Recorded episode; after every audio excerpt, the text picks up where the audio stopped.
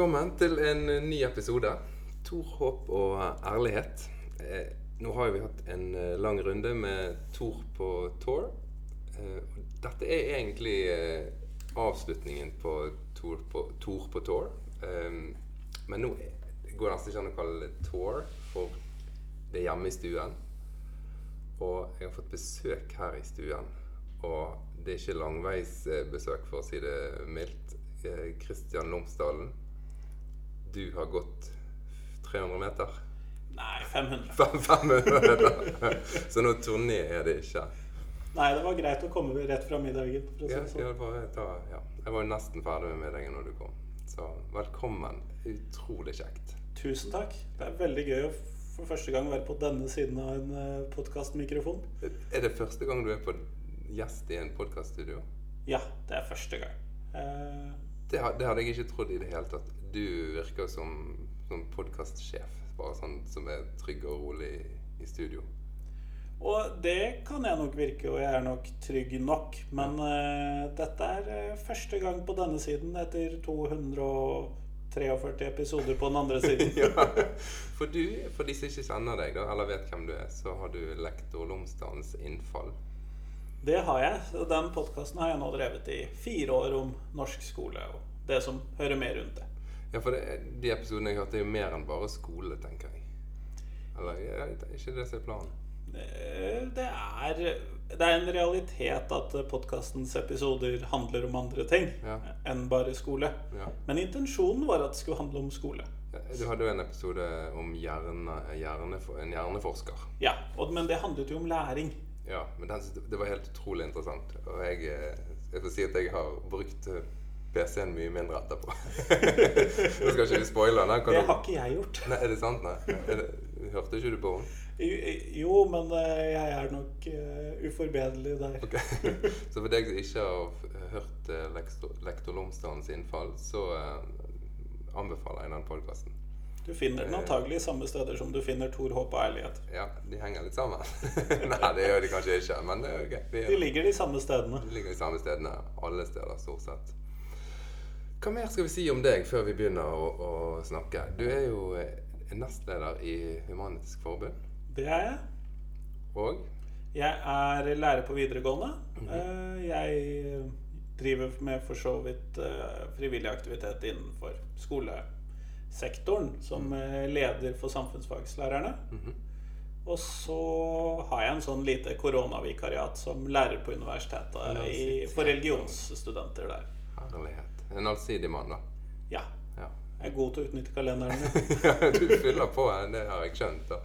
Og så føler jeg det når jeg fikk kompliment til deg før vi begynner. Altså, jeg, jeg får sånn følelse av at du allikevel, selv om jeg vet du holder på med veldig mye, så føler jeg du har tid. Ja, eh, de påstår i hvert fall det, noen av de som talte i bryllupet mitt, at eh, jeg hadde tid til ting.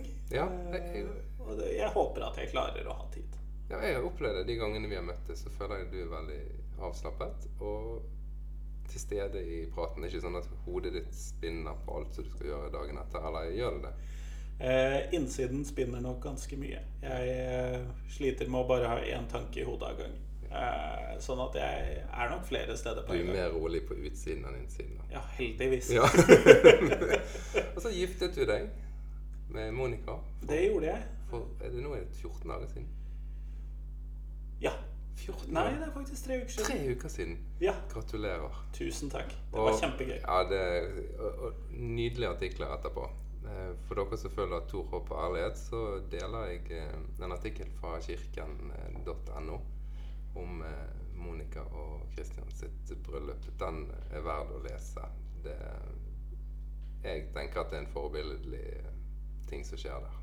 Eh, og siden jeg er nestleder i Human-Etisk Forbund, så skal jeg bare reklamere og si at det fins en tilsvarende artikkel på human.no. Ja, så da har vi både kirken og human.no. Samme artikkel, eller tilsvarende artikkel. Ja.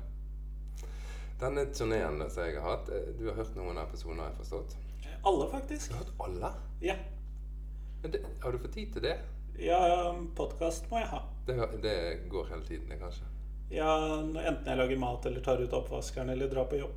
Ja. Da blir det podkast. Og da vet du litt hva det går i. Jeg har prøvd å prate med folk om hvordan troen ser ut i eh, 2020.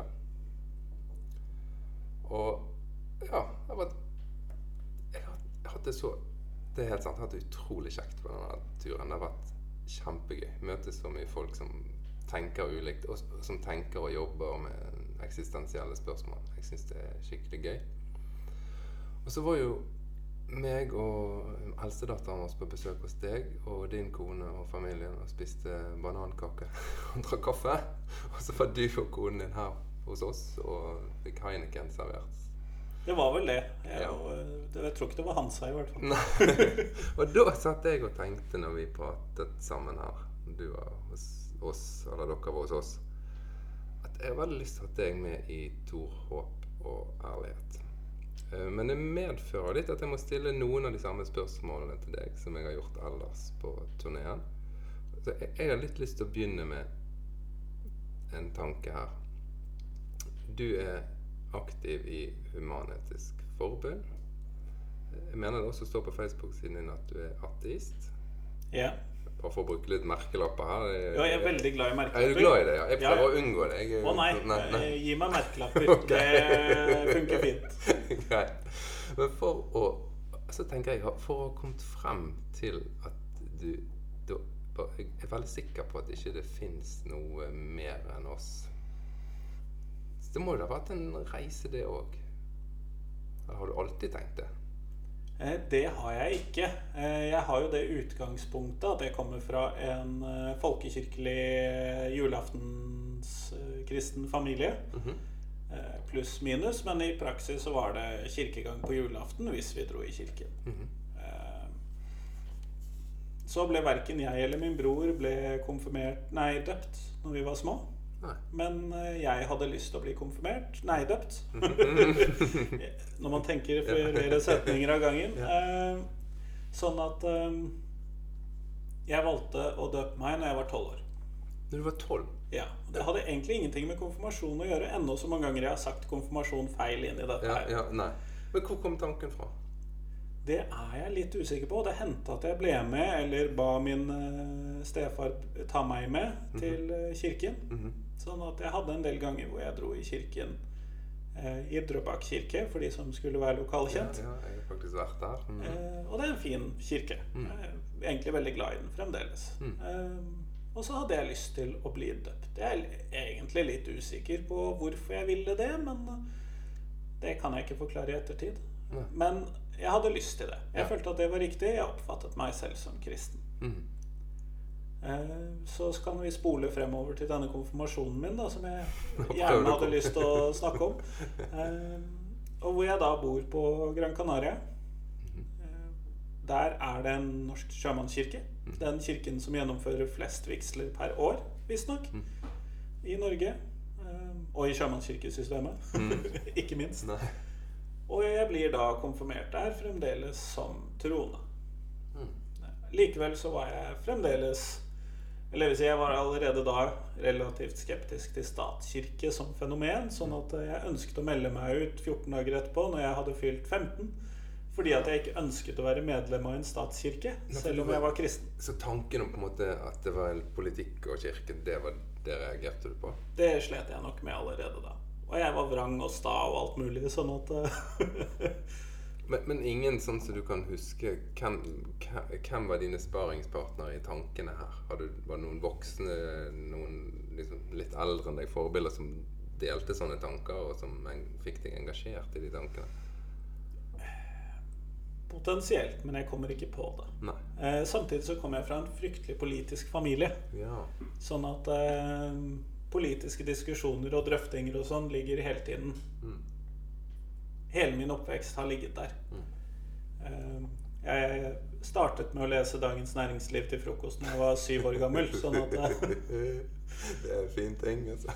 sånn gjør man hjemme når, far er gammel journalist i Handels- og Sjøfartstidene. Ja, ja, ja, ja. Så politikkspørsmål var Men sånne ting får jo fart på flere tanker. Det gjør gjerne det. At du er vant til å diskutere om rett og galt. Og Jeg syns at dette var problematisk, antagelig ut ifra en sånn rettferdighetssans som slo inn. Mm. Men du opplevde allikevel, eller du tenkte allikevel på deg sjøl som en kristen, men i, ikke i dette systemet. Ja. Eh, Som i at jeg har problemer med selve den der strukturen knyttet til staten, men ikke egentlig problemer med trosinnholdet. Så ville jeg nok kunne vært regnet som en liberal eh, liberalteologisk inn i en sånn eh, Ja ja, de fleste kommer nok til himmelen og får abort og sånn. siden vi er i gang med merkelapper, så, Ja. så tar du den òg. Eh, Så jeg ville nok vært regnet inn i en sånn rekke. Ja. Men uh, regnet meg selv som kristen. Ja. Og leste Bibelen og Barnebibelen Ja. noen ganger. Ja. Det vil si Barnebibelen nesten 1000 ganger antagelig. Ja. Mens uh, den der voksenbibelen noen ganger. ja. Du, du, tenk, du mener at du har lest hele Bibelen noen ganger? Ja ja. Ja. Eh, Før jeg fylte 16. Stefania og Habaguk og alle de små, små bøkene. Nå skal jeg ikke påstå at jeg husker navnene, men alle de bøkene som befinner seg i den ordinære Gamle og Nytestamentet. Ja, i den lutherske bibelen. sa ja. Ja. Mm. Eh, Så har jeg gått på katolsk videregående skole etterpå, men jeg tror ikke det at jeg leste noen flere bøker av den grunn. Nei, men Der ligger noen flere bøker i det. Jeg vet. Syv, er det ikke det? Ja, det vet, husker jeg ikke antallet, men jeg syns det er et fascinerende fakta. Ja. Hm. Dette er en Dette er jo litt sånn annerledes vei enn jeg tenkte eh, når jeg skulle snakke med deg. At eh, du var så såpass tidlig i en tanke om at du trodde Er det, er det lov å spørre hadde du, hadde du noen opplevelse av Gud? Det er jo her denne tvilen begynner å komme, og denne mangelen på tro begynner å dukke opp. Ja. Fordi at jeg innser etter hvert at jeg ikke Selv om jeg har regnet meg som Gud, så klarer jeg ikke å tro på at det fins en Gud som er større enn et menneske. Mm. Jeg klarer ikke å tro på en eksistens utover de tingene som vi kan ta og føle på i hverdagen. Nei. Eh, Sånn at eh, etter hvert så innser jeg jo det at eh, jeg antagelig er en agnostiker i en eller annen slag, eller en ateist i et eller annet slag, litt avhengig av hvordan du definerer dette. Eh, for Rett og slett for at jeg mangler den gudstroen. Ja. Eh, Så har jeg senere tenkt at det hadde vært fint å være troende, og at jeg kunne tenke meg å være katolikk, har jeg tenkt et par ganger. Mm. Eh, Jeg har også tenkt at jeg skulle bli muslim et par ganger. Nei, det er vel bare én gang. Jeg skal ikke overdrive her nå. Men eh, det har jeg tenkt en gang. Eh, Men jeg kom liksom hele tiden tilbake til den samme problemstillingen. Det er veldig interessant for meg. Da. Jeg må innrømme at jeg mange har tenkt at det hadde vært deilig å være ateist.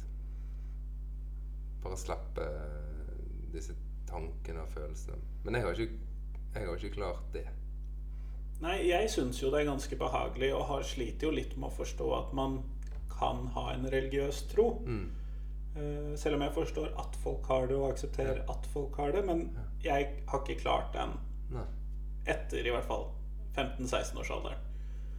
Hva- Men var det noen konkret hendelse, opplevelse Ingenting. Ingenting. Det er bare en sånn gradvis eh, Feidet. Ikke noe eureka-moment eller en traumatisk prest. Nei, ingen som var liksom fæl, og han skal liksom være kristen. Det er ikke, det er ikke noen sånn eh, Nei, jeg hadde faktisk ganske koselig prest og ganske koselig kateket. Og diakonen var eh, koselig, han òg. Så det, Ja. det var mye kos. Det var Ja. Sjømannskirken, så det var mye Ja, det var mye vafler. vafler er jo en bra ting, da.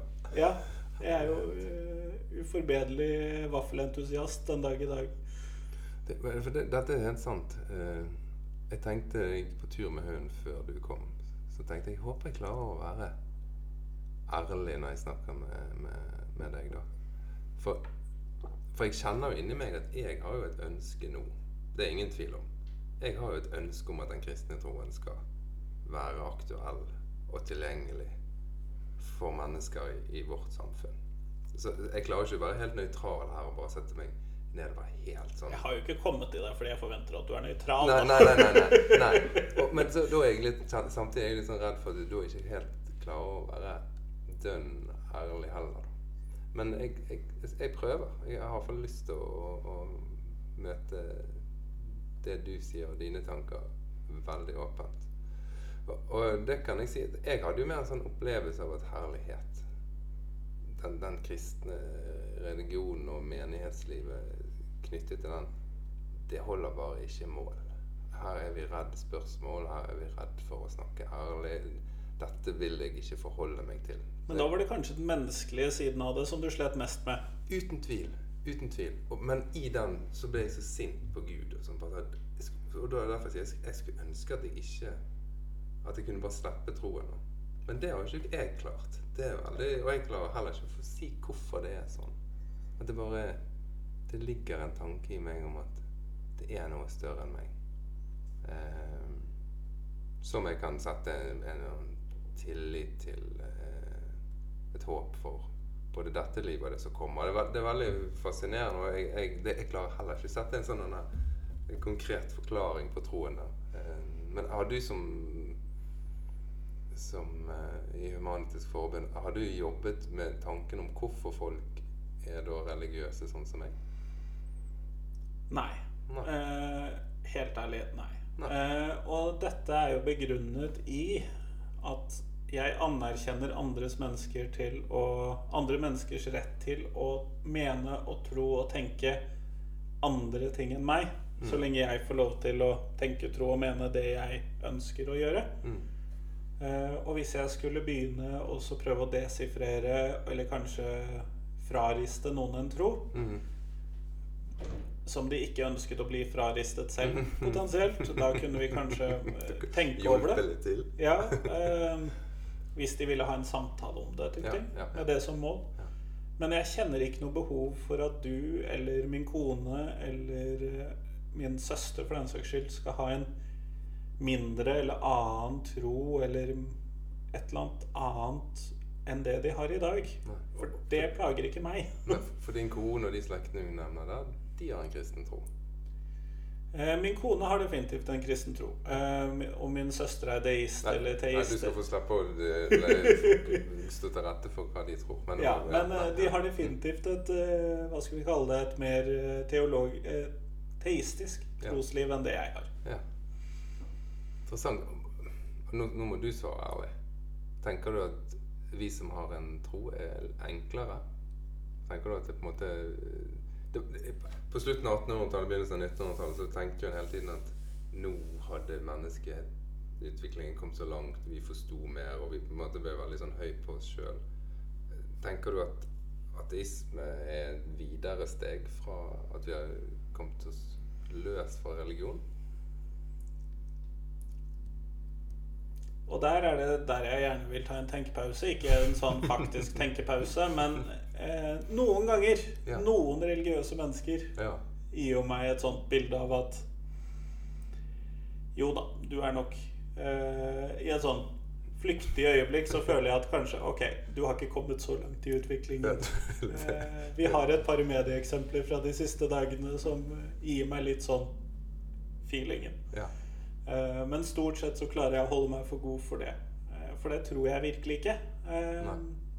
De aller fleste troende mennesker oppfatter jeg som minst like kloke og smarte mennesker som det jeg er. Mm. Eh, om det er noe man har behov for, eller noe de er opplært til, eller de har sett en sannhet jeg ikke har sett, det kan jeg ikke uttale meg om. Men- Og da, kommer det et naturlig fortsettelsesspørsmål. Ha, har du noen følelse av et misjonsprosjekt i det du jobber med? Om jeg ønsker å skape flere humanister? Ja? Nei. Nei. Eh, der er jeg tilfreds med de som klarer å eh, havne dit sjøl. Ja. Eh, jeg kan godt tenke meg flere medlemmer i Human-Etisk Forbund, for på den måten så får vi større tyngde, større politisk eh, gehør. Mm. Eh, vi kan lettere jobbe for ting vi ønsker å jobbe for. Mhm. Så jeg kan godt tenke meg flere medlemmer, men eh, de kan godt komme dit på egen hånd. ja. Så, så du, du føler ikke at liksom, arbeidet du gjør, er en sånn misjonerende Jeg skal prøve å omvende folk som er religiøse, til å slutte å være religiøse. Nei. Men eh, hvis jeg kan være et godt eksempel og vise at eh, humanister kan være hyggelige, trivelige mennesker som jobber for gode ting, så Jo da, det kan jeg godt være. Ja. Men Ja, For du godter deg litt når kirken tråkker i salaten? Jeg gjør det. Ja, du gjør det, sant? Jo, men, og det er jo noe sånn eh, Og da kan jeg nevne en helt spesifikk sak som har vært litt oppi hodet mitt de siste dagene. Og det er jo Mikael Brun i For bønn og bekjennelse, som er sogneprest i Sogndal. Ja, ja, ja. ja. Som er motstander av kvinnelige prester og helt sikkert motstander av likkjønnet vigsel og en del ting. Mm. Og han er jo en god reklameplakat for Heff. Ja. Det tenker du. Så du koser deg litt med sånne Og så syns jeg litt synd på kirken, da. Ja. ja, for du bryr deg om kirken? Ja, den uh, har jeg ikke noe imot. Uh, jeg syns den nok kunne uh, fjerne seg fra staten og sånn, men ja, ja. Men jeg la jo merke til det, det, det er kanskje stygt å sitere i en privat samtale, da, men jeg la jo merke til noe som jeg syns var veldig artig når, når dere var her på besøk. Eller kanskje det var borte i hagen deres. At du hadde blitt mektig irritert når du var på en gudstjeneste der de i forbindelse med gudstjenesten hadde et stort opplegg med salg av malerier og bilder. det hadde de. Ja. Eh, og det var en salgsutstilling i en sånn kulturkirke. I min favorittkirke for øvrig. Ja, ja, Eh, det er Geilo kulturkirke. ja. ja. Eh, som ligger da naturlig nok på Geilo og er en sånn stor, moderne kirke. Og den har en del, ganske mye åpne arealer som ikke er i kirkerommet. Og eh, de hadde da en salgsutstilling for eh, Aune Sand og Vebjørn Sand og Martine Aurdal. Mhm. Om jeg husker. Marianne Aurdal. ja, ja. Martine Aurdal er i Dagbladet. um, og dette trakk de opp og trakk fram under eh, Hva heter det? Det heter eh, Liturgien eller gudstjenesten eller Nei, når de roper opp nyheter på slutten av gudstjenesten, når de leser 'Dette skjer i kunngjøringen'. Kunngjøringer heter det. Ja. ja.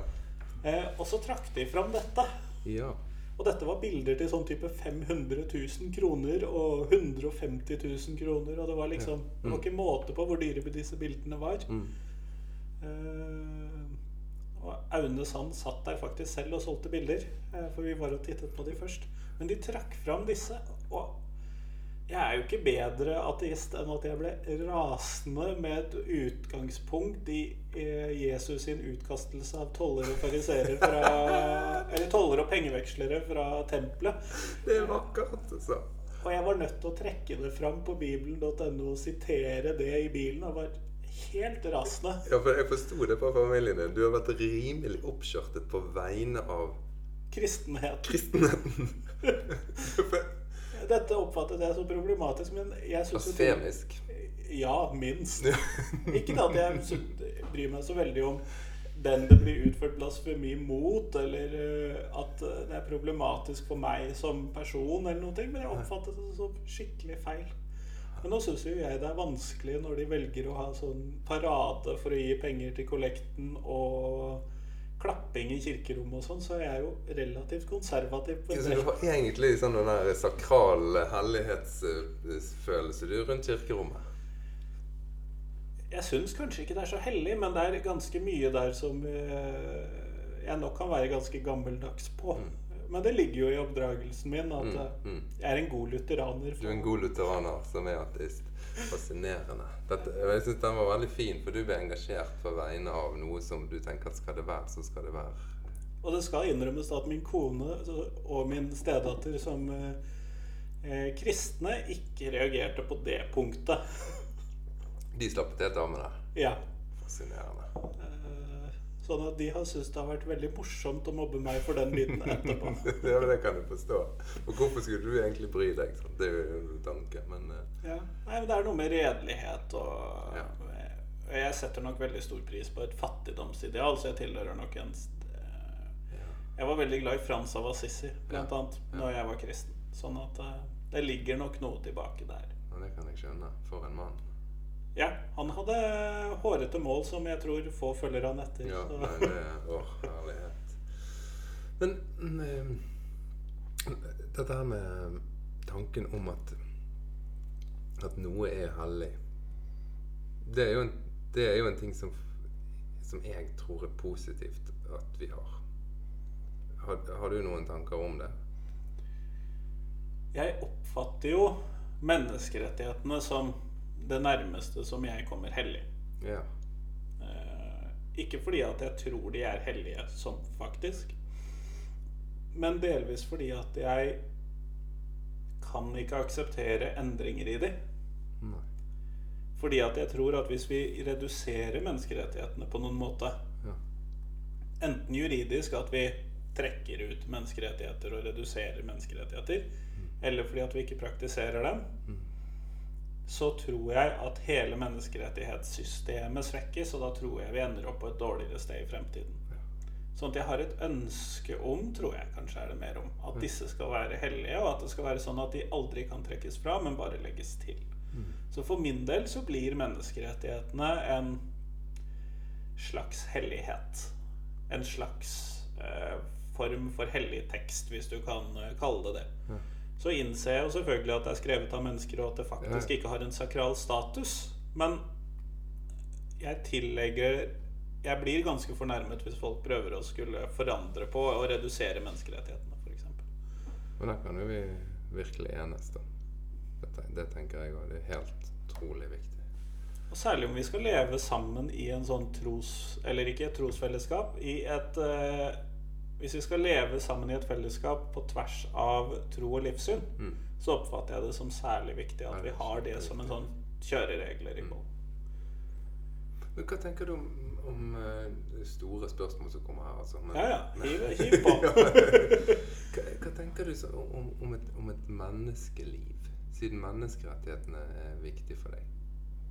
Du tenker at menneskeliv er Eh, De er eh, av stor verdi. De er av like stor verdi. Ja. Altså det er et likeverd der. Mm. Så tror jeg ikke jeg skal klare å si hvor mye et menneskeliv Nei, er verdt. nei. Det tror jeg ikke står i min bok. Nei. Men uh, utrolig mye. Vi kan bruke det. Ja, men, men, men du skjønner kanskje hvor jeg vil hen? Altså, Menneskelivets ukrenkelighet, antar jeg at det er der ja, du er. Ja, og, og at hvis, hvis mennesket bare er atomer og, og kun materie eh, Bare stjernestøv. Ja, bare stjernestøv. Og når det er over, så er det over. Og det, det er på en måte ikke Det er ikke noe overordnet eh, hellighet, da, som jeg, Mm. som jeg tenker at et liv er. Eh, så, så klarer ikke helt å se hvor, hvorfor For jeg opplever når jeg prater med deg, at du er veldig opptatt av min rette trosfrihet. Du er opptatt av mm, at jeg skal få leve et fritt liv. Noe som jeg syns er beundringsverdig og, og bra. Du, du heier jo på en podkast om kristen tro. Det, det, det, det syns jeg er kult. Men hvor kommer det fra? Hva ditt ateistiske, humanistiske ståsted Hva bringer det inn i livet ditt når det gjelder tanker om et menneskeverd? Og mitt ateistiske, mitt ateistiske ståsted sier ikke så mye her. Nei. For mitt ateistiske ståsted sier bare at det fins ikke noen gud. Nei. Eller noen andre overnaturlige aktører.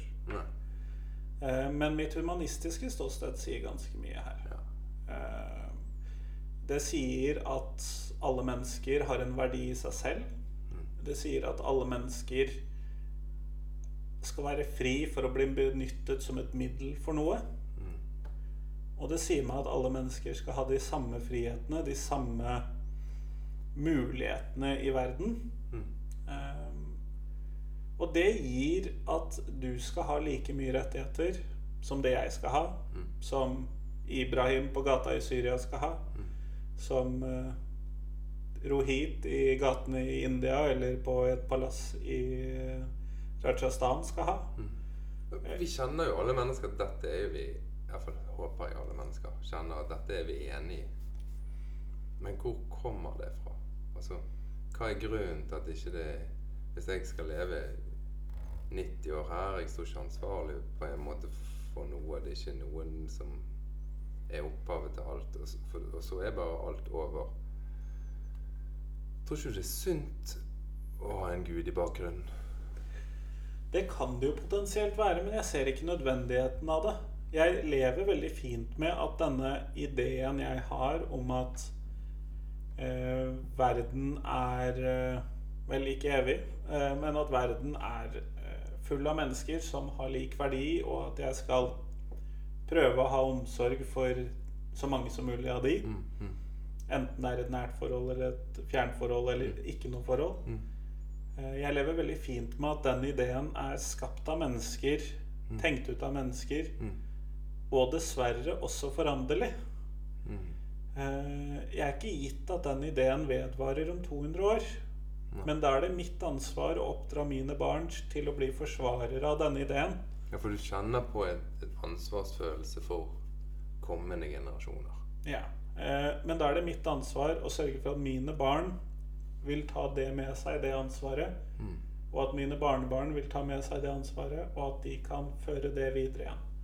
Og jeg underviser jo også på en skole, og underviser jo også basert på premisset om at vi har et ansvar for hverandre. Det Mm. ligger jo inne i formålsparagrafen. Mm. Mm. Og at vi skal bidra til å gjøre verden til et bedre sted. Mm.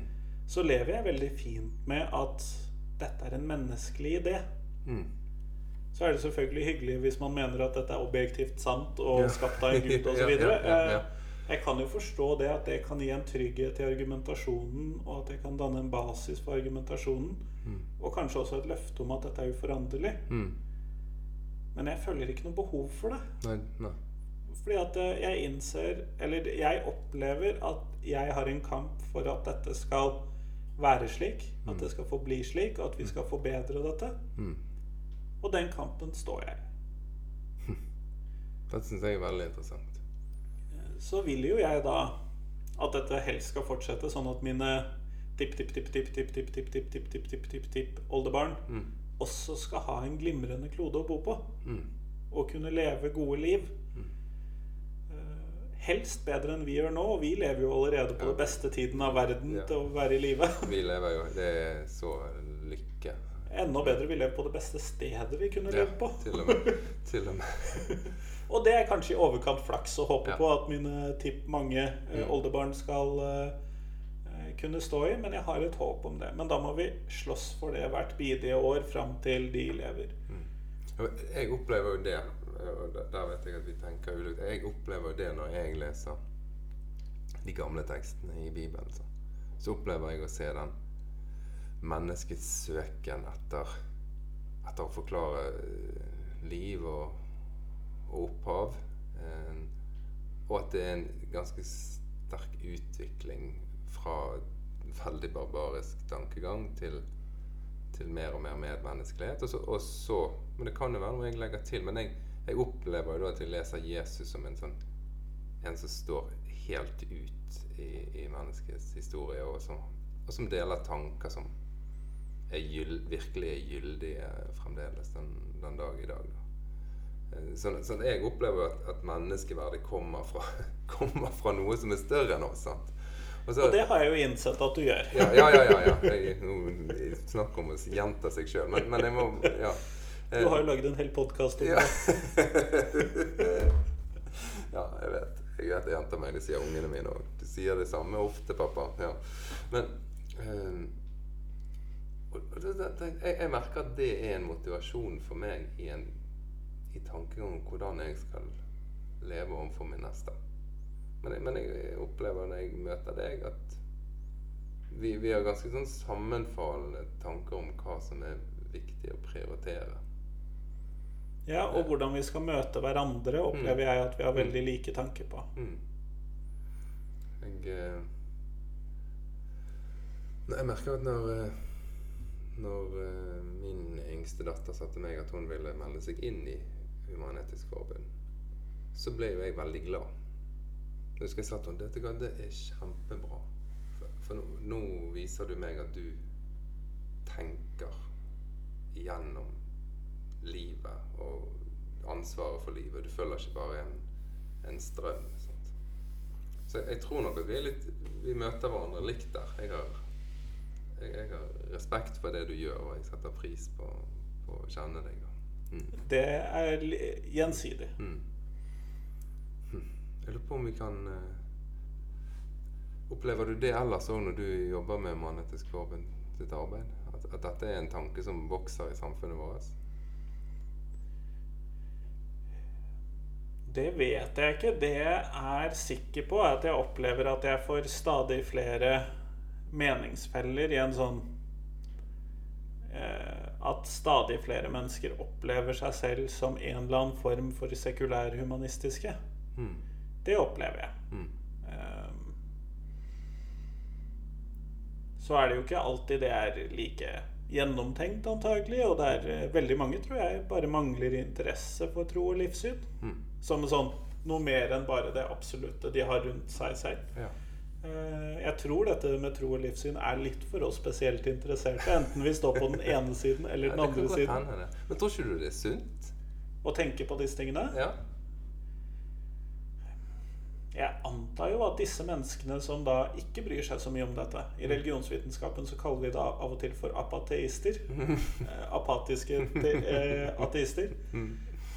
Som religionsviter, og ikke som heffer, vel å merke. ja, det skjønte jeg. Ja, Ja, men så lytteren din er ja, helt ja. ja, sikker ja, på ja, ja, ja. Eh, Så antar jeg jo at de har andre ting som de fyller livet sitt med, som er verdifulle for dem, og som gir dem mening. Mm. Så er det noen av oss som syns politikk er kjempegøy, og noen av oss som syns at religion og livssyn er kjempegøy, og det mest interessante vi kan drive med her i verden. Ja, ja, ja, jeg er jo virkelig der. Så, så, så mistenker jeg jo at vi er litt i, Mm. alene om det, da. At en nedadgående òg. Nei, ikke nødvendigvis. For jeg vet ikke om det no noen gang var så mange dette var så viktig for. Nei. Jeg tror egentlig at veldig mange møtte opp på søndag fordi at det var det de fikk beskjed om. Det er mye som tyder på det. At, at den religiøse bevisstheten og trosbevisstheten ikke, har endret seg så fryktelig mye. Det er bare at vi gidder ikke følge en, en strøm av eh, vaner på samme måte lenger. Så vi går ikke i kirken hvis ikke vi har lyst til å gå i kirken. Litt mer der. Og jeg oppfatter det litt der, og det var jo lover som sa det, at du skulle møte kirken. Mm. Og fram til 1912 så måtte du konfirmere deg. Mm. Det er ikke rart at konfirmasjon som tradisjon står skikkelig sterkt i Norge, og det er en av de få stedene i verden hvor det står sterkt. Mm. Det er jo en, egentlig en litt aparte seremoni. Så det er litt sånn seremonitidspunkt og seremoni Det er ikke en seremoni vi trenger da for å kunne leve livene våre. Nei, men det kan du nesten si om alle seremonier. Og det syns jeg er jo litt interessant at uh, Forbund overtar jo de religiøse seremoniene, eller måte skaper alternativer. Jeg Dere jo kunne vel nesten bare sagt nei. Ja, vi kunne det. Dette skal Eh, ikke vi ha. Ja, eh, men HEF ble jo skapt fordi at vi ønsket et alternativ til nettopp konfirmasjon. Mm. Borgerlig konfirmasjon eksisterte fem år før vi fikk HEF. Mm, ja, ja. Seremonier er kjempeviktig for folk. Mm. Så jeg ville si at det kanskje ikke er de religiøse ritualene vi overtar, men de tradisjonene som eksisterer i samfunnet, som vi overtar. Mm. Til dels. Vi kan godt si at vi overtar dem, men øh, bygger på, kanskje. ja. Kopierer? Ja, ja. Ja. Eh, I utgangspunktet. Men samtidig, hvis du går på en humanistisk seremoni, enten det er vigsel eller gravferd eller navnefest eller konfirmasjon, så vil du nok kjenne igjen elementer, og det vil være deler av oppbyggingen som vil kunne være lik, men samtidig så vil innholdet være samtidig helt annerledes. Mm, mm. Sånn at eh, det er ikke en kopi av bare stryk Gud, liksom. Nei, nei, nei. Eh, Men det er et helt eget innhold, men tidspunktet og tradisjonen er tatt fra. Fordi at alle disse tradisjonene bygger jo på tidligere tradisjoner hele veien. Akkurat som kristendommens ritualer bygger på jødiske, romerske, greske eh, ritualer som persiske òg, for den saks skyld. vi har bygget, bygget. Bygg, bygg, korthuset er veldig stort. Ja, det er kjempesvært. Eh, og humanismen kommer inn et eller annet sted på toppen av korthuset der og bygger videre på alle disse tradisjonene. Mm. Så Men tenker du hvis Dette er en tanke jeg har, da. At hvis vi eh, Nå har vi hatt en eh, tradisjon i Norge på, i mange hundre år med en veldig sentral kirke. Eh, og, og før det så hadde vi Kanskje ikke så sterkt i Norge, da, men den, den kristne tradisjonen begynner jo å bli ganske mange hundre år her i Norge. definitivt. Men tror ikke du det er sunt at oppvoksende generasjoner kjenner til den tradisjonen? De er nødt til å kjenne til den. Eh, De er nødt til å ha kunnskaper om den. Eh, Jeg tror jo Hvis Kirken eh, døde ut i morgen, Mm. så ville vi fremdeles måttet lære om kristendommen i historiefaget.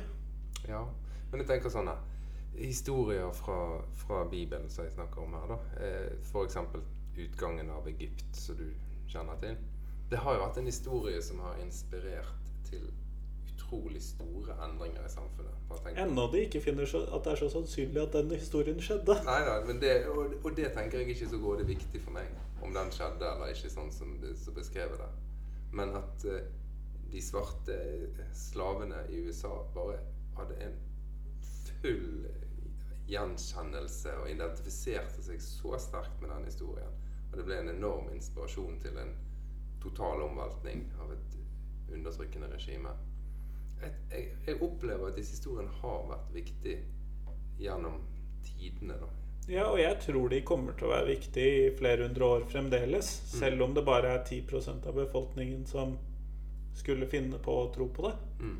Eller kanskje enda mindre. Men samtidig så kan vi ikke tenke at det er de samme historiene som skal inspirere hver gang og gjennom og for all fremtid. Jeg tenker at det kommer til å være Bare la oss anta at det vil være et slaveopprør om 500 år. Mm.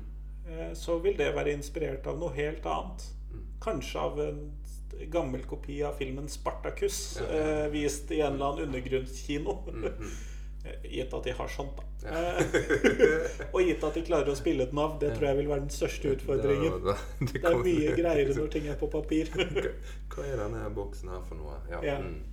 Men sånn at jeg tror at de tingene som vil inspirere oss til handling, til forståelse osv., Mm. det vil kanskje være andre historier. Mm. Om du vil andre lignelser. Mm. Jeg ser hva du sier. Men du har ikke noe imot at jeg jobber med å gjøre disse historiene kjent?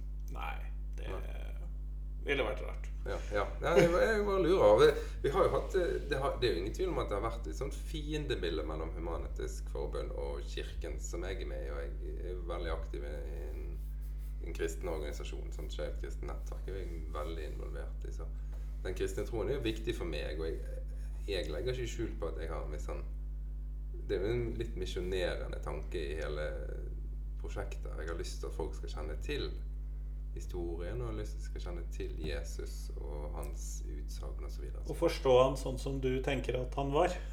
Ja, jeg er jo litt redd for det. Da, for at de skal måtte forstå han akkurat sånn som jeg er, tenker. da. For det, det har jo forandret seg i, i 2000 år. Forståelsen av hvem han var. Men forståelse av og kjennskap til hva han sa, da, i det minste. Ja, og det kommer vi nok til å trenge å vite. Eh, Men jeg oppfatter dette som en det, ikke som at eh, vi trenger å vite dette fordi at eh, alle i Norge tror dette, men vi trenger å vite dette fordi at en del mennesker i Norge tror dette. Sånn at jeg opplever at selv om det blir flere ikke-troende i en eller annen variant i Norge, Mm. så opplever jeg religionsfaget som veldig viktig for å skape forståelse mellom mennesker. Mm. Så må vi kanskje gjøre noen endringer i religionsfaget, for jeg opplever det som en at de får stor plass til kristendommen på bekostning av alle oss andre, i gåseøyne. Mm. Eh, og jeg opplever at den norske stat og skolesystemet og kommuner og eh, alle institusjoner gir for stor plass til kristendommen på bekostning av alle oss andre. Føler du deg som en minoritet i denne settingen?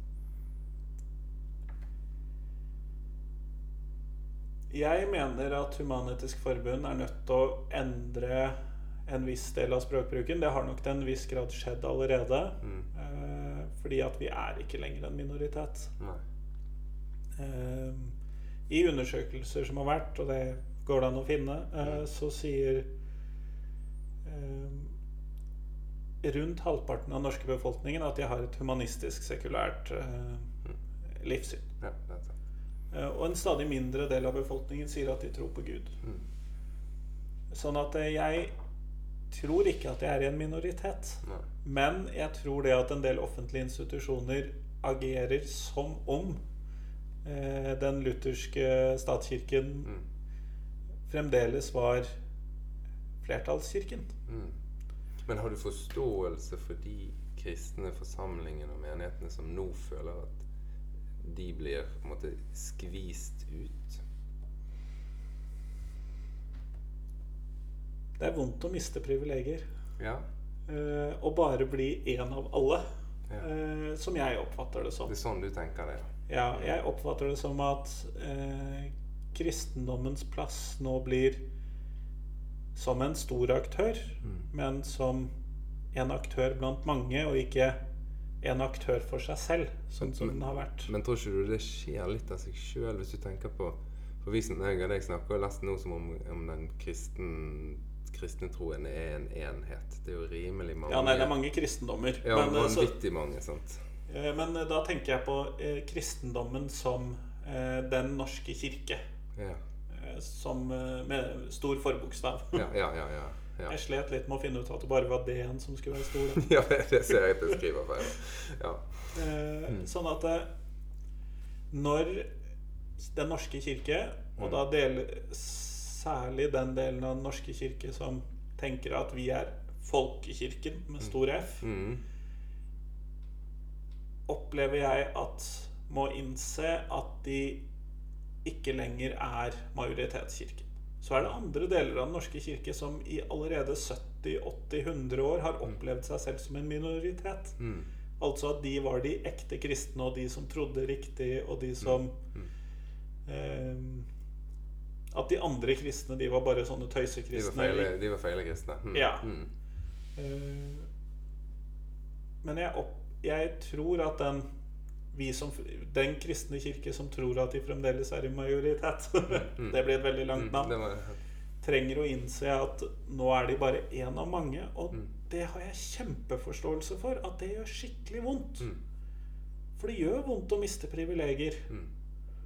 Og bare måtte være som alle de andre. Mm. Og så har de alle de andre vært som alle de andre veldig lenge, og de er vant til det. Men jeg skjønner at det gjør vondt. Men hva sier du?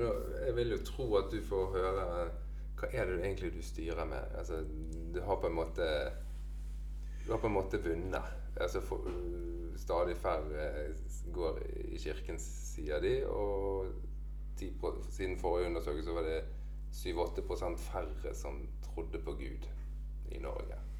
Ja, og jeg har ikke noe behov for at færre skal gå i kirken. Jeg har heller ikke noe behov for at færre skal tro på Gud. Det kan folk styre med som de vil. Mm.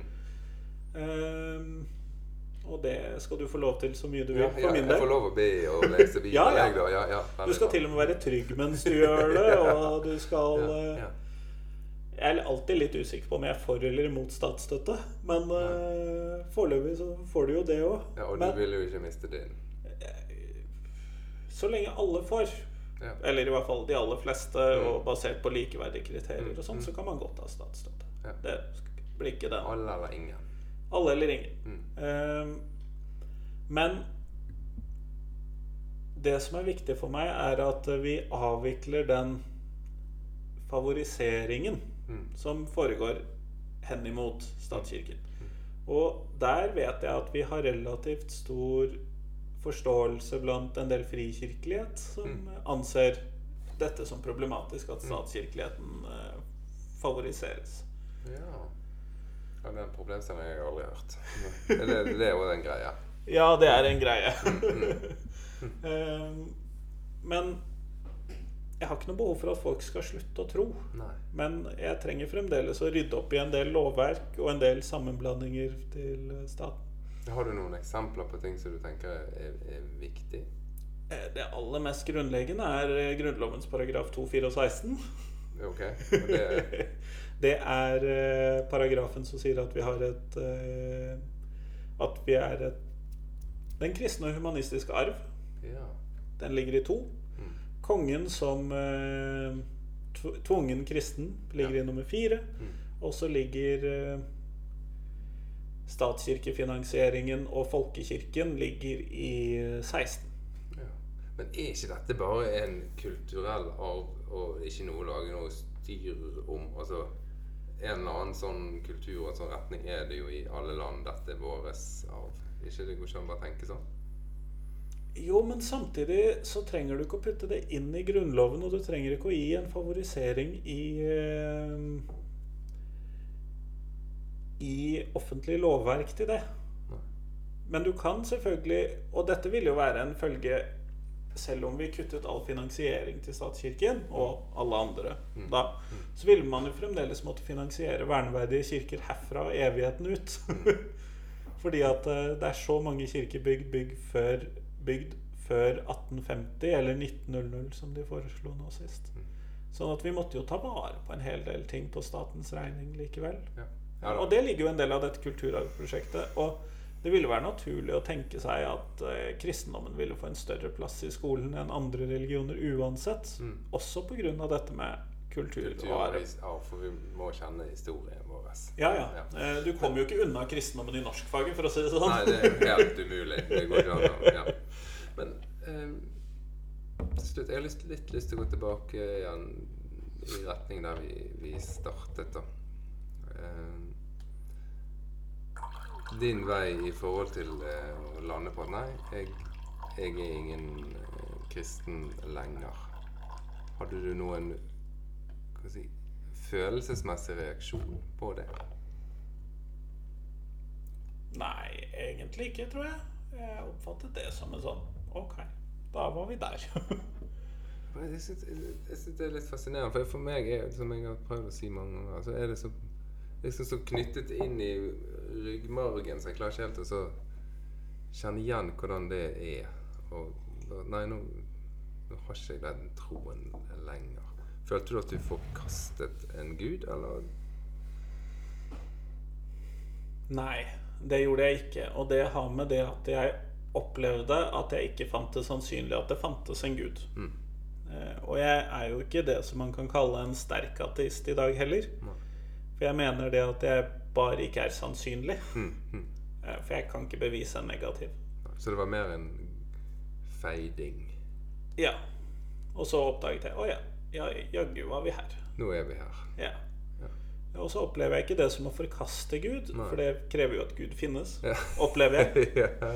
Eh, og da ærligheten min tilsier at eh, da er det ikke noe å forkaste. Nei. Det var jo noe av det vi var enige om eh, når vi første gang snakket om at du skulle være med her. Det var at da skulle ikke jeg prøve å, å bevise, for det tenker jeg det er helt umulig. Å lage noe sånn gudsbevis. Og så sa du at du vil gjerne slippe å bevise at noe ikke finnes. Ja, nei, det syns jeg er skikkelig vanskelig. Eh, all vitenskapelig ærlighet tilsier at det får jeg ikke til.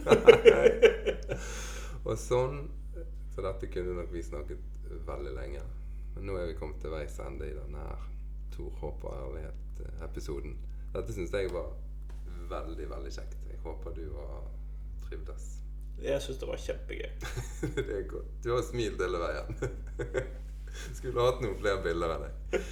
Til deg som følger Tor, håp og ærlighet, så blir det ny episode neste fredag klokken 07.00. Følg med. Takk for at du hører, og husk å trykke på abonner, sånn at du får beskjed når det kommer en ny episode. Ha en riktig god uke.